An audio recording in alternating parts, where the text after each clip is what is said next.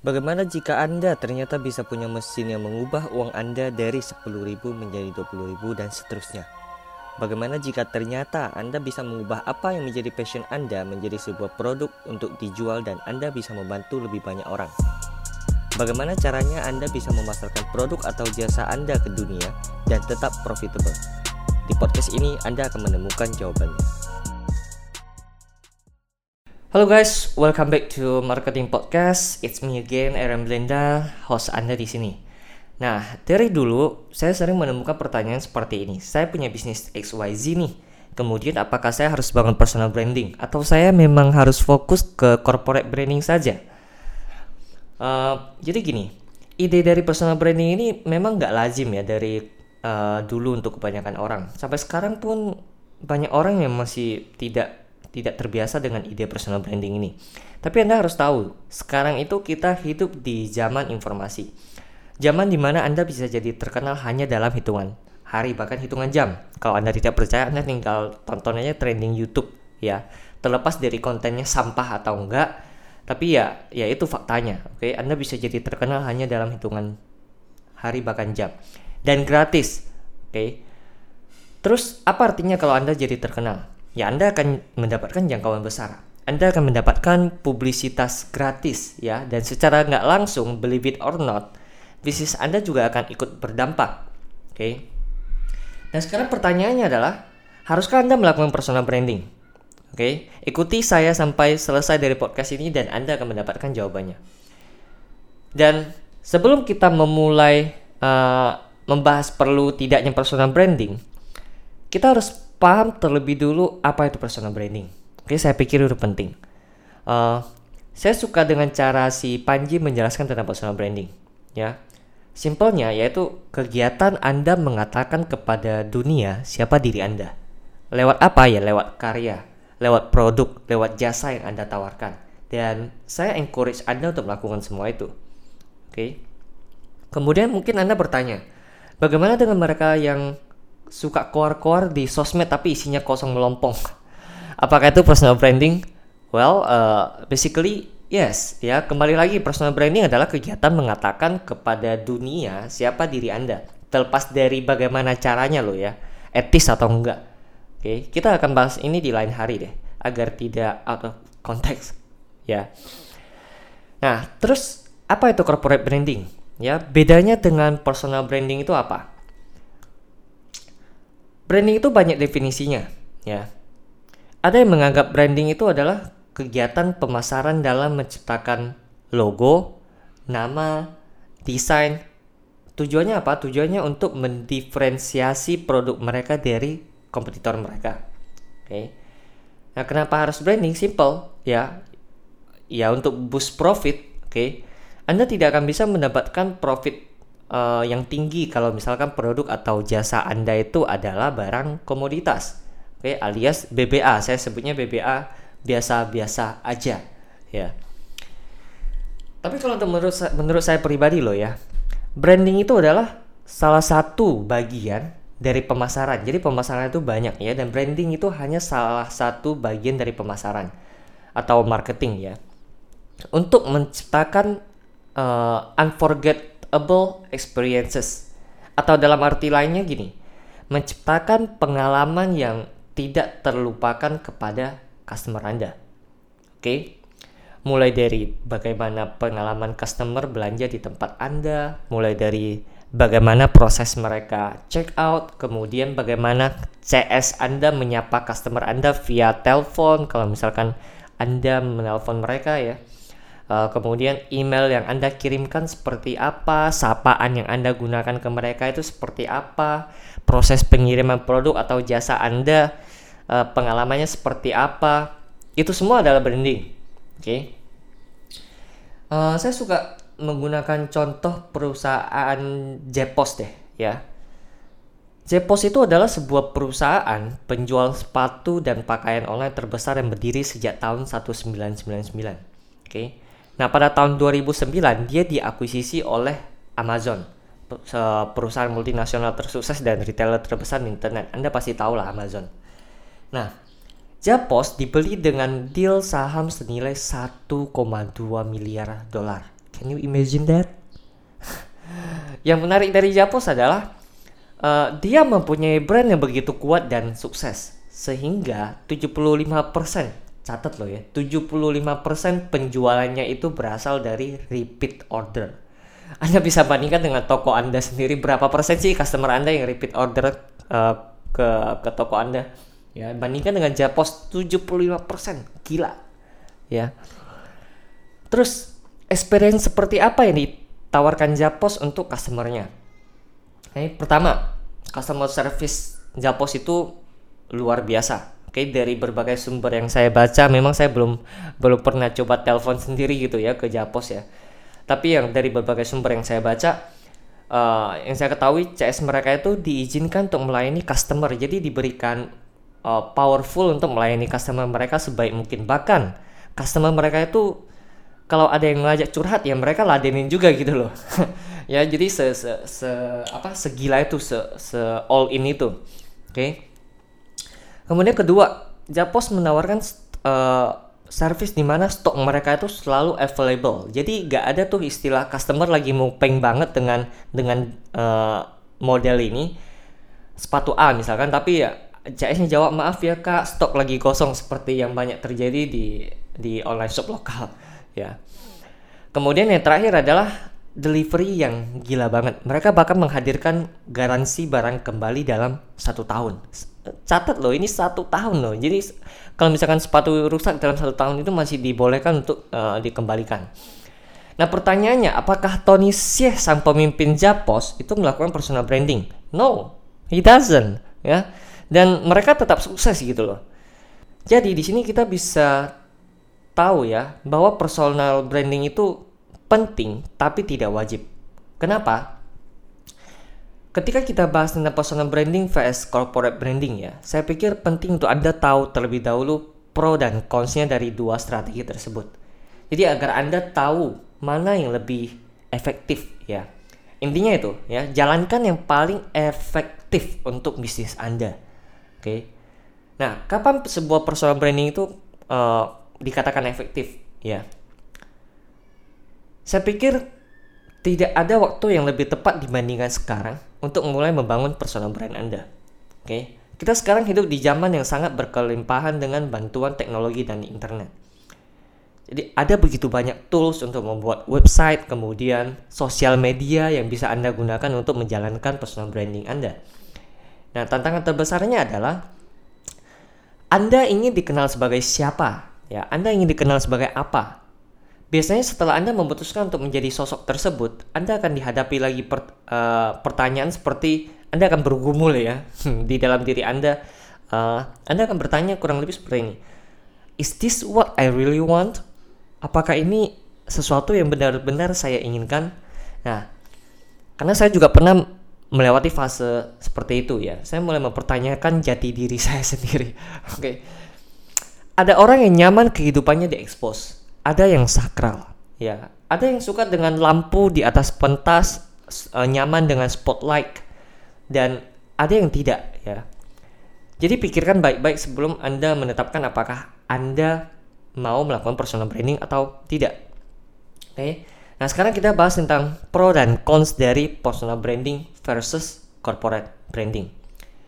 Nah pro nya dari personal branding uh, personal branding itu fleksibel ya kalau Anda melakukan corporate branding untuk sebuah produk atau jasa tertentu yang Anda tawarkan ke marketplace, uh, kemungkinan ketika Anda ingin mengganti fokus, misalkan Anda tiba-tiba ingin berubah haluan, ya Anda ingin mengganti bidang, ya itu akan menjadi kendala. Sedangkan personal branding itu adalah Anda membangun persepsi orang terhadap diri Anda, ya nama Anda. Sehingga akan lebih mudah ketika Anda Misalkan di pertengahan jalan Anda ingin berubah uh, haluan, Anda ingin mengubah bidang Anda, Anda ingin berganti fokus. Itu akan lebih mudah kalau Anda menjalankan personal branding. Let's say Anda melakukan branding diri Anda sebagai seorang influencer di awal, oke? Okay?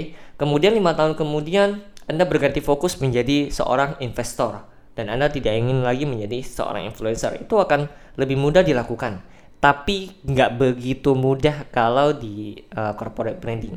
Oke. Okay? So, kalau Anda ingin menjadi seorang pembicara, dalam hal ini speaker ya, uh, mungkin personal branding adalah cara yang paling efektif yang bisa Anda lakukan dengan menyesuaikan dengan uh, bidang keahlian Anda. Oke, kalau Anda seorang penulis misalkan atau seorang um, artis, YouTuber ya, maka dengan punya personal branding yang kuat itu akan membantu bisnis Anda. Oke. Nah, dengan personal branding, biasanya Anda juga akan lebih mudah ya membangun trust dan positioning Anda uh, di industri Anda sebagai seorang leader di industri Anda. Nah, itu tadi uh, pro dari personal branding. Nah, consnya apa? Ketika Anda sudah berinvestasi banyak di personal brand Anda, maka tentunya Anda harus menghubungkan personal brand Anda dengan apa yang Anda lakukan. Misalkan, anda selalu meletakkan nama Anda di video YouTube yang Anda posting. Oke. Karena yang di brand itu adalah nama Anda, ya.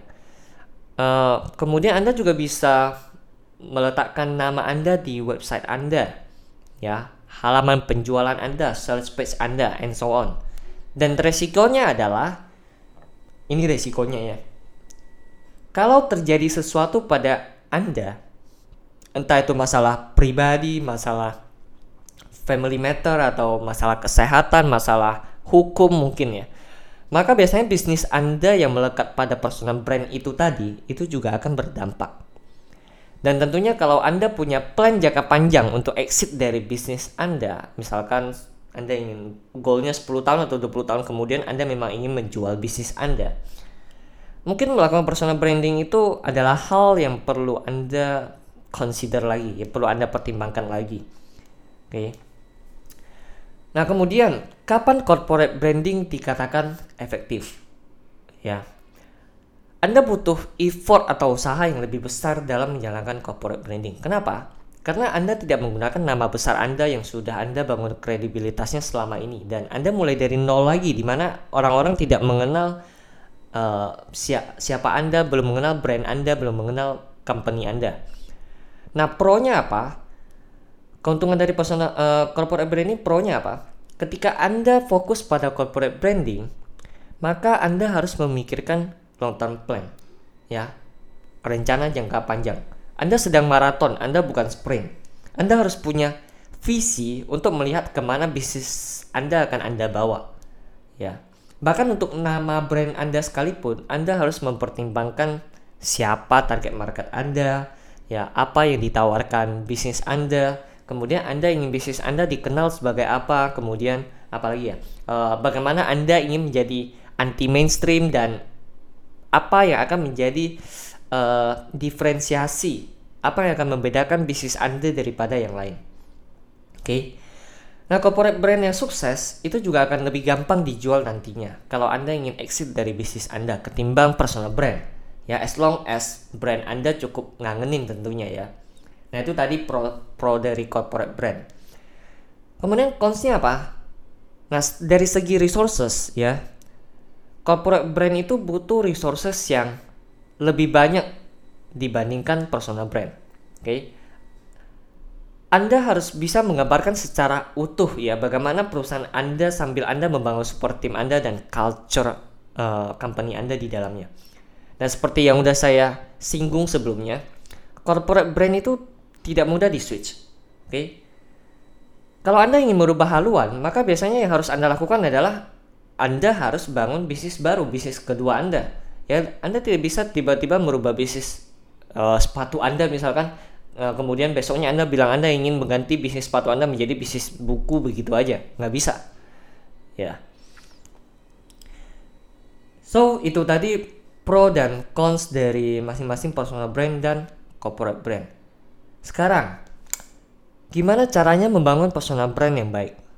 Ya, saya pikir uh, karena kebetulan saya juga menjalankan personal brand di bisnis saya, maka saya akan bagikan sedikit ke Anda bagaimana caranya membangun personal brand yang baik versi Aaron Blenda sendiri ya.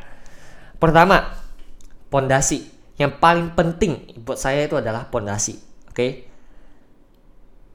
Anda seharusnya membangun sebuah personal brand yang Anda sendiri itu bisa hidupi selama 24 jam, 24 jam setiap hari. Oke, okay? kuncinya adalah Anda harus tahu siapa diri Anda. Itu kuncinya. be yourself. Oke, okay? be self aware. Harus otentik, jangan munafik, tidak ada topeng, tidak ada dusta di antara kita. Oke, okay? banyak yang mengira personal brand itu sama dengan membentuk personal. No, itu beda ya. Kalau kita membangun membentuk personal branding de uh, sama dengan persona, maka yang ada itu hanya uh, kepura-puraan. Oke, okay? yang ada itu hanya pencitraan. Mulailah dengan gali apa yang ada di dalam diri Anda saat ini. Anda bisa mulai cari tahu skill Anda itu ada di mana. Ya. Apa yang Anda senangi? Passion Anda itu ada di mana? Apa core value Anda? Apa core belief Anda? Oke. Setelah itu baru Anda sandingkan dengan visi dan misi brand Anda. Message apa yang ingin Anda sampaikan ke dunia lewat brand Anda? Ciri khas brand Anda itu mau seperti apa? Oke. Sebuah brand yang baik itu dimulai dari tahu dulu siapa diri kita sebenarnya. Nilai apa yang kita perjuangkan.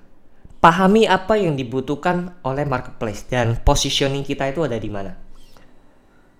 Oke. Kemudian kedua, avatar ya. Anda harus ingat bahwa tidak semua orang itu adalah klien Anda. Oke. Uh, tidak semua orang harus Anda layani.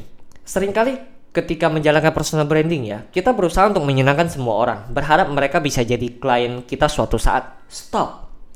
Anda seharusnya menjadi siapa diri Anda. Kemudian Anda menarik orang-orang yang memang satu vibrasi dengan Anda.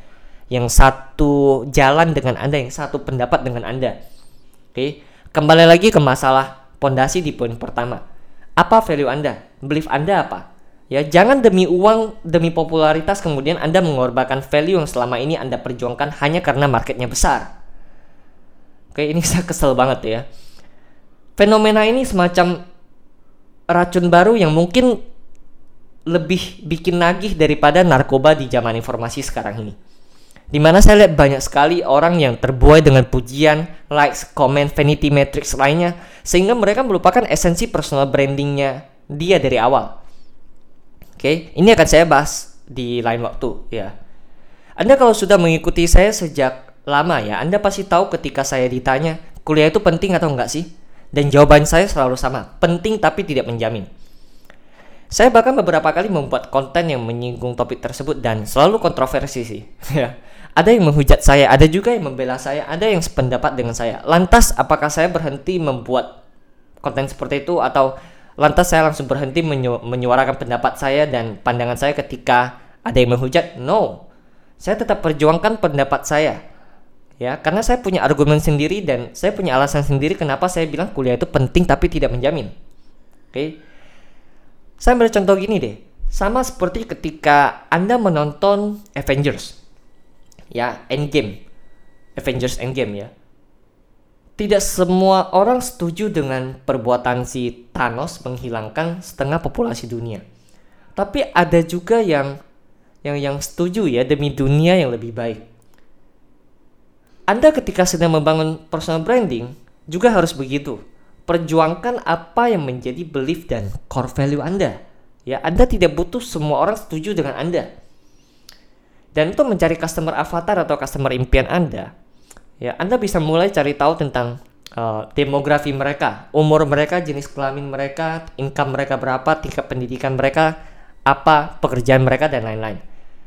Kemudian cari tahu hasrat dan impian mereka itu apa. Dan apa yang menjadi pain point mereka?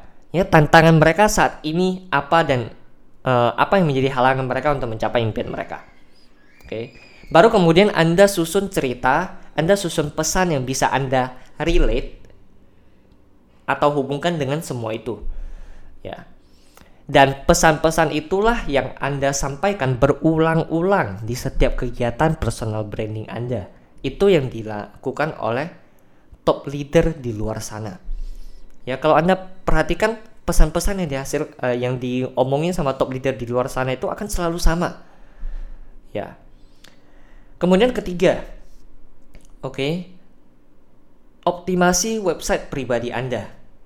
Kalau memang Anda saat ini belum punya website dengan domain nama Anda sendiri, ada baiknya Anda bikin sekarang juga. Oke, Oke, sosial media itu memang penting untuk personal branding, tapi jangan lupa traffic yang masuk ke sosial media itu tidak terkontrol. Dan Anda tetap butuh website atau istilah yang lebih saya suka sebuah landing page untuk mendaratkan calon customer sehingga mereka bisa memahami uh, siapa Anda, kemudian agar mereka bisa berinteraksi serangka lebih jauh sekaligus uh, mengkonvert mereka menjadi subscriber Anda. Usahakan website Anda itu didesain seprofesional mungkin. Gunakan logo yang profesional jangan menggunakan logo, gratisan dari canva.com jangan. Please ya jangan dan di website minimal juga harus tertera uh, apa value proposition anda kemudian foto anda taruhlah foto yang keren ya kemudian cantumkan social proof testimoni testimoni dari klien anda kemudian ada juga call to action hmm, untuk join webinar anda atau call to action untuk join uh, mailing list Anda atau apa pun yang Anda inginkan calon customer Anda lakukan di website Anda. Ya, tujuannya adalah untuk membangun trust, untuk membangun hubungan yang lebih erat dengan mereka. Jangan lupa juga Anda harus bikin halaman produk atau uh, product page uh, biar customer Anda tahu apa yang Anda tawarkan di bisnis Anda untuk bisa membantu mereka. Oke. Okay? Itu tadi ketiga. Kemudian yang keempat, buatlah strategi konten. Ya. Berkarya melalui konten adalah taktik personal branding yang paling saya sukai. Lewat karya Anda orang mengenal siapa Anda. Jadi tidak sekedar cuap-cuap. Ya, dengan membuat konten Anda akan membangun trust antara Anda dengan audiens Anda juga Anda bisa membangun uh, authority di industri Anda, ya. Untuk membuat konten Anda bisa mulai dengan mengumpulkan semua list topik yang memang disukai audiens Anda. Caranya Anda bisa ke Basumo atau Anda bisa ke Quora atau Anda juga bisa menggunakan Google Keyword Planner. Nah, ketika saya bicara konten ya, ada banyak sekali jenis konten. Konten itu bukan cuma sekedar tulisan, tapi bisa juga berupa video, podcast, webinar, online course, studi kasus, slideshows, uh, infografis, dan lain-lain. Nah, kalau untuk medianya, itu ada blog, ada platform podcast seperti uh, Spotify, Anchor, kemudian YouTube, sosmed, email, SlideShare, dan lain-lain. Mungkin Anda akan bertanya seberapa sering saya harus upload konten. Ya. Nah, saya menyarankan quality over quantity. Kalau memang Anda membutuhkan waktu tiga hari misalkan ya untuk membuat sebuah konten yang berkualitas, maka stick to that. Jangan mengesampingkan kualitas uh, konten hanya untuk mengedepankan kuantitas meskipun algoritma uh, sebagian besar sosmed sekarang ini itu mengharuskan Anda posting sesering mungkin untuk mendapatkan reach yang lebih tinggi. Okay? so you choose ya. Dan yang terakhir, bangun komunitas. Daripada Anda berusaha untuk membangun kolam yang super besar dan berharap Anda bisa melayani semua orang di sana, lebih baik Anda mengubah fokus Anda untuk memimpin sebuah komunitas kecil yang spesifik atau istilahnya niche. Tentukan siapa target market Anda, avatar Anda, dan bangun komunitas sebagai wadah mereka untuk saling berinteraksi satu sama lain, saling berbagi kisah dan ide, saling uh, support dan bisa terhubung ke Anda secara langsung. Nah, bikin komunitasnya di mana? Di bisa di Facebook group atau Anda bisa ngadain kopdar, kopi darat ya atau mungkin Anda mengeluarkan biaya untuk membuat membership site yang sifatnya online di mana hanya member yang bisa akses atau mungkin Anda juga bisa bikin semacam forum. So, long story short, kita hidup di zaman yang berkelimpahan dengan resources berkat teknologi dan internet. Halangan-halangan untuk uh, memulai bisnis saat ini, detik ini, saya bisa bilang hampir tidak ada ya, selain niat itu sendiri. Nah, siapa pun bisa membangun personal branding, dan menjual produk atau jasa mereka ke audiens mereka langsung. Dan kembali lagi ke pertanyaan inti, apakah personal branding itu wajib? No. Ya, penting? Yes.